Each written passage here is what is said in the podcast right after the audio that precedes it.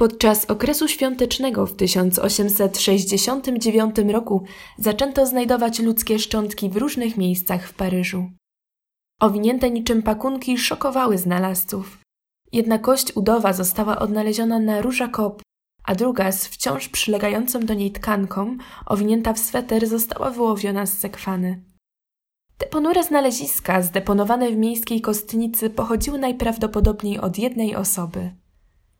Nikt nie miał jednak pojęcia, kim mogła być ofiara. 19 grudnia właściciel rzecznej pralni znajdującej się niedaleko Kevalmi poinformował policję, iż widział niskiego, tęgiego mężczyznę z wąsem, który niósł duży kosz i wyrzucał kawałki mięsa do rzeki. Zapytany, co robi, odrzekł, że rzuca przynętę, aby następnego dnia wrócić tu na ryby.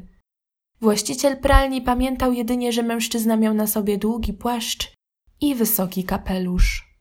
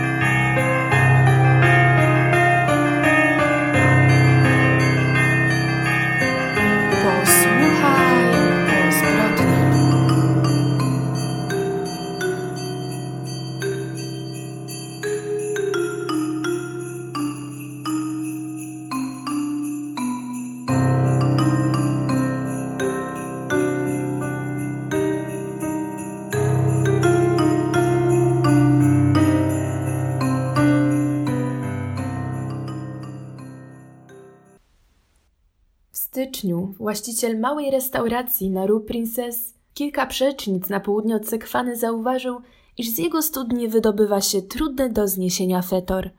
Klienci zaczęli również zgłaszać, że woda ma dziwny smak.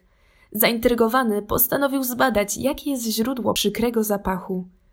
Z pomocą wędki wyłowił ze studni pakunek. Po rozcięciu szmaty okazało się, że zawierał on ludzką łydkę – Restaurator udał się na posterunek policji, aby opowiedzieć o znalezisku. Lokalny funkcjonariusz, Range, udał się do restauracji, aby na własne oczy zobaczyć pakunek. Cała ta dziwna sprawa przypomniała mu o mężczyźnie, którego zatrzymał i przepytał na ulicy późnym wieczorem 22 grudnia. Osobnik ten niósł wielki kosz z pakunkiem, którego zawartość stanowiły, jak twierdził, szynki. Dopiero wrócił z Nantes, i niósł swój bagaż do pokoju na Rue Princess. Renge żałował potem, że nie przejrzał bagażu przechodnia.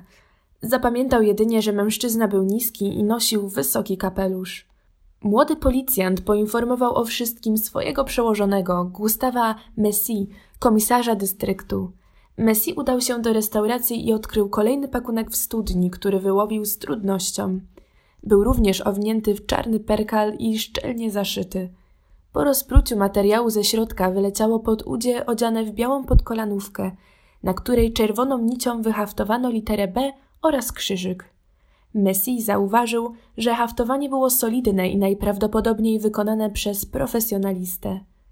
Pierwszy lekarz patomorfolog, który oglądał szczątki, stwierdził, iż należały one do kobiety, a sprawca dokonał rozczłonkowania nieudolnie. Oszacował, iż nogi były w studni około miesiąca – Studnia została opróżniona, ale nie odnaleziono więcej części ciała. Messi zaczął więc po kolei sprawdzać każdą z 84 kobiet, które zaginęły w przeciągu ostatniego pół roku. Był to ślepy trop. Żadna nie mogła być połączona z podkolanówką z haftowanym B. Wtedy to właśnie dr Auguste Tardieu zdecydował się rzucić okiem na dowody. Był on byłym uczniem Orfili, którego możecie pamiętać z podcastu o Madame Lafarge, a w tamtym czasie jednym z najsławniejszych kryminologów we Francji. Po dogłębnym badaniu stwierdził, że Messi tracił czas zajmując się kobietami. Te szczątki, rzekł, należą do niemłodego już mężczyzny. Stopy są zdecydowanie większe niż kobiece. Rozczłonkowania dokonano sprawnie ostrym narzędziem niedługo po śmierci. Najprawdopodobniej upuszczono krew. Zauważyłem też bliznę na nodze, pozostałość po niedawno zaleczonej ranie, ale bez głowy trudno będzie ustalić tożsamość, a morderca niestety dobrze się nią zajął. Ta informacja skierowała śledztwo na właściwe tory. Messi był przekonany, że inne części ciała odnalezione w podobnym czasie w Paryżu należały do tej samej osoby, której nogi pływały w studni. Zakładał, że morderca mieszkał niedaleko Rue Princess. Mężczyzna przesłuchany przez ręgę musiał zostać przez niego spłoszony i zamiast dalej wrzucać szczątki do sekwany, postanowił pozbyć się ich bliżej, w restauracyjnej studni. Dozorczyni budynku, w którym znajdowała się restauracja, twierdziła, że ktoś z zewnątrz mógł dostać się do studni w budynku tylko jeśli wiedział, iż w drzwiach zewnętrznych jest przycisk, dzięki któremu można dostać się do środka. Messi wciąż poszukiwał osoby, która umie haftować. Gdy zapytał się, czy w budynku mieszkał kiedykolwiek jakiś krawiec, dozorczyni powiedziała mu o Mademoiselle Dar, szwaczce, która obecnie koncertowała w kawiarniach. Wykonywała drobne prace dla krawca, który często ich odwiedzał. Messi odnalazł Dar, a ta przyznała, że rzeczywiście czasem wykonuje pracę dla swojego przyjaciela krawca, Piera Włabu. Mieszkał on kiedyś w okolicach Rue Mazarin, ale ostatnio przeprowadził się, ponieważ wziął ślub. Jego opis pasował do opisu człowieka, którego widziano nad rzeką oraz na ulicy. Dar zasugerowała, że Madame Bodas, ciotka jednego z przyjaciół w Łabu, mogłaby wiedzieć, gdzie ten się znajduje. Mając cały czas z tyłu głowy wyhaftowane B, Messi wezwał na przesłuchanie Madame Bodas.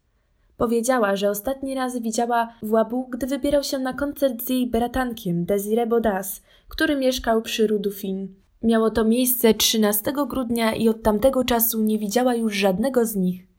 Nie martwiła się tym zbytnio, ponieważ byli oni ekscentryczni i często znikali na dłuższe okresy.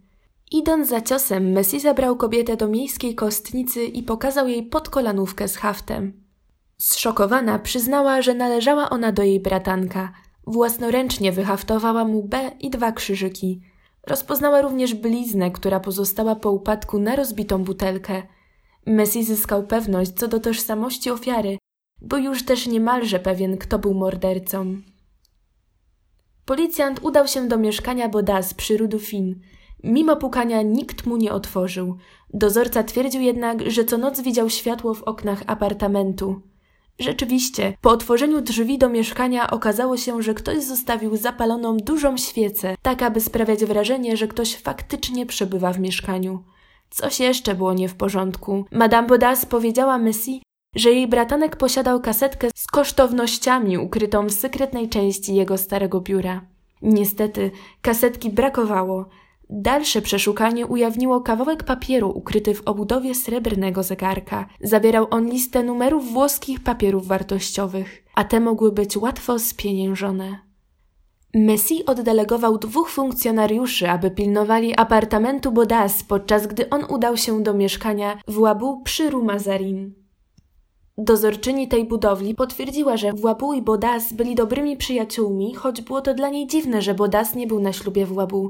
Pamiętała, że mężczyźni pospierali się z powodu skąpstwa Bodas. Włabu był wściekły, że przyjaciel nie chciał mu pożyczyć dziesięciu tysięcy franków na ślub. Najbardziej jednak interesująca była historia opowiedziana przez jego byłą pokojówkę. Kiedy 17 grudnia, jak co dzień rano przybyła, aby posprzątać mu pokój, ze zdziwieniem odkryła, że sam już to zrobił. Podłogi były wyszorowane i wciąż mokre. Było to bardzo podejrzane, ponieważ Włabu był bałaganiarzem i nigdy nie sprzątał z własnej woli. Zapytany, dlaczego sam umył podłogi, odparł, że rozlał niechcący naftę. Pogrążający był również fakt, iż miał się wprowadzić do innego miejsca, a pozostałość czynszu spłacił za pomocą, no właśnie, włoskiego papieru wartościowego. Messi ustalił, że zawiera on numer seryjny, który widniał na liście znalezionej w obudowie zegara Bodas. Tymczasem funkcjonariusze pilnujący apartamentu Bodas zameldowali, że nie działo się nic nadzwyczajnego, poza tym, że zjawił się Włabu, aby odwiedzić swojego przyjaciela. Okazało się, że Włabu był policyjnym szpiegiem, który udawał anarchistę i infiltrował spotkania radykałów, aby kontrolować ich działalność. Policjanci, nie wiedząc, że de facto jest on podejrzanym w tej sprawie, potraktowali go jak kolegę po fachu i powiedzieli dokładnie o wszystkim, co do tej pory zostało znalezione w apartamencie. Messi, zdenerwowany tym, że Włabu nie może dowiedzieć się, iż jest podejrzanym, zadzwonił do niego i wezwał go do siebie. Zobaczył niskiego, tęgiego mężczyznę w wysokim kapeluszu i długim płaszczu. Włabu był spokojny i odpowiadał konkretnie na pytania. Wyjaśnił, iż martwił się o swojego przyjaciela i jako członek tajnej policji użył swoich kontaktów, by dowiedzieć się czegoś o jego zaginięciu. Jego głównym podejrzanym był rzeźnik o imieniu Rife. Rife był hazardzistą i alkoholikiem. Messi nie dał się zwieść, ale zgodził się, aby Włabu obserwował Rife. Niestety, Włabu popychał Ripę tylko ku większemu piciu. Mężczyzna wkrótce wpadł w delirium i zmarł jeszcze tej samej nocy w przytułku. Gdy tylko Włabu dowiedział się o śmierci rzeźnika, pospieszył z tą wiadomością do Messi. Osłupiał, kiedy Messi go aresztował. Rychło w czas, ponieważ w kieszeni miał bilet na parostatek do USA i fałszywy paszport. Planował udać się do portu Le Havre jeszcze tego samego popołudnia. Włabu był niereformowalny i nie chciał współpracować. Odmówił wykonania fotografii. Stroił minę do aparatu tak długo, że zrezygnowano. Messi wiedział, że ma do czynienia z przebiegłym przeciwnikiem i wyruszył na poszukiwanie kolejnych dowodów. Odwiedził młodą żonę Włabu, Adelię, która wniosła do małżeństwa posag w wysokości 15 tysięcy franków. Była blada i delikatna, sprawiała też wrażenie lekko naiwnej. Zanim spotkała swojego męża, planowała wstąpić do zakonu. Zszokowana na wieść o aresztowaniu, wyznała, że posag oraz włoskie papiery wartościowe jej męża trzymane są w kasetce. Ta jednak okazała się być pusta. Podczas przeszukania mieszkania Messi znalazł narzędzia, które nie do końca odpowiadały charakterowi pracy krawca. Były to wielki zaostrzony sekator, ciężkie żelazko, metalowy tłuczek, rzeźnicki tasak i żelazna łyżka używana do topienia ołowiu. W piwnicy czekała jeszcze większa niespodzianka. Korek jednej z dwóch butelek wina był wyższy. Po jego usunięciu okazało się, iż była do niego przyczepiona nitka. Po rozbiciu butelki oczom wszystkich ukazały się włoskie papiery wartościowe, które należały do Bodas. Brakowało tylko jednego, tego, którego Włabu użył do opłacenia czynszu. Messi miał pewną teorię dotyczącą tego, gdzie i w jaki sposób został zamordowany Bodas, dlatego postanowił odtworzyć miejsce zbrodni, aby potwierdzić swoje przypuszczenia. Zabrał Włabu do byłego pokoju przy Rue Mazarin. Z pomocą dozorczyni zaaranżował go dokładnie tak, jak wyglądał, gdy podejrzany tam mieszkał. Z powodu bardzo ciasnej przestrzeni wysunięto wniosek, że ciało rozczłonkowywano najprawdopodobniej na stole, który stał na środku pokoju. Dodatkowo podłoga w pomieszczeniu była pochyła. Messi teatralnym gestem chwycił karawkę wody. Widzę pewną pochyłość, a więc jeśli ciało było rozczłonkowywane na środku pokoju, płyn, którego z pewnością było sporo, musiał podążać zgodnie z kierunkiem tejże pochyłości. Wyleję więc tę wodę na podłogę i zobaczymy, co się stanie. Woda wylana na środku pokoju zgromadziła się pod łóżkiem. Zerwano panele, które pod spodem miały plamy zaschniętej krwi. Widząc, że gra skończona, Włabu załamał się i przyznał. Potrzebował pieniędzy na swój wkład do małżeństwa, aby udowodnić narzeczonej, że jest jej godny. Jednak Bodas był skąpcem, który nie dzielił się pieniędzmi i nie chciał udzielać pożyczki Włabu. 13 grudnia 1868 roku Włabu zwabił Bodas do swojego mieszkania. Ogłuszył go żelazkiem, a następnie podciął mu gardło. Po wszystkim, ubrany jedynie w bieliznę, Włabu pociął ciało na kawałki. Potem owinął je i rzucił do sekwany z mostu de la Concorde. Mimo, iż wydawało mu się, że posprzątał po sobie dokładnie, nie zauważył pochyłości prowadzącej pod łóżko. Po zaszyciu nóg w perkalowy materiał rzeczywiście wrzucił je do studni.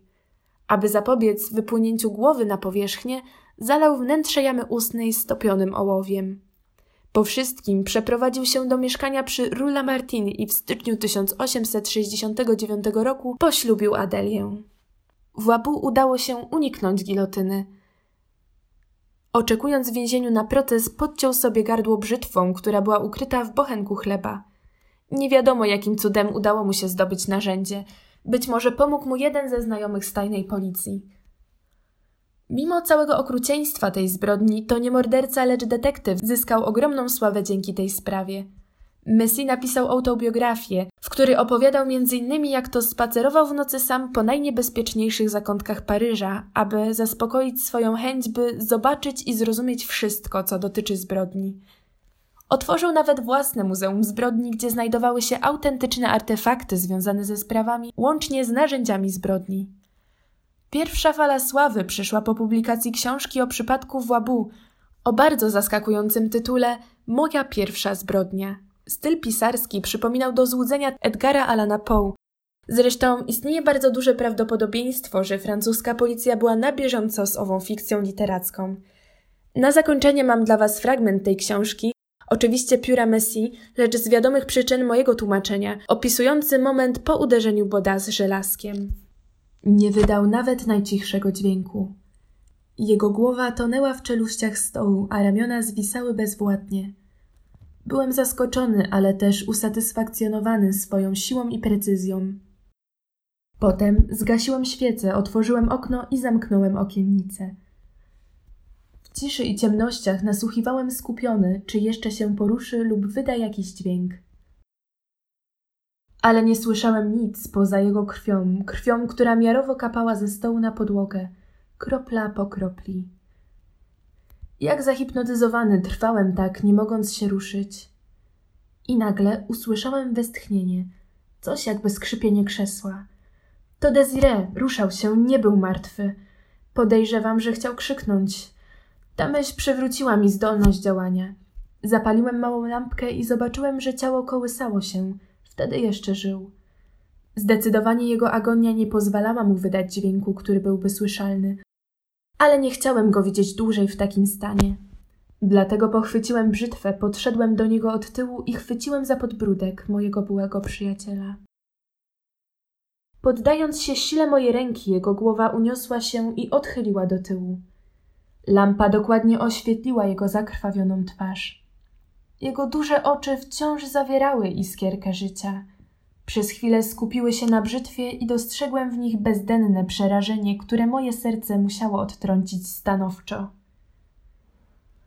Trzeba było to zakończyć.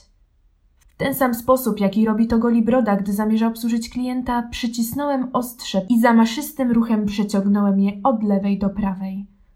Całości zatopiło się w tkance, a ja usłyszałem, jak głowa opada bez życia na oparcie krzesła.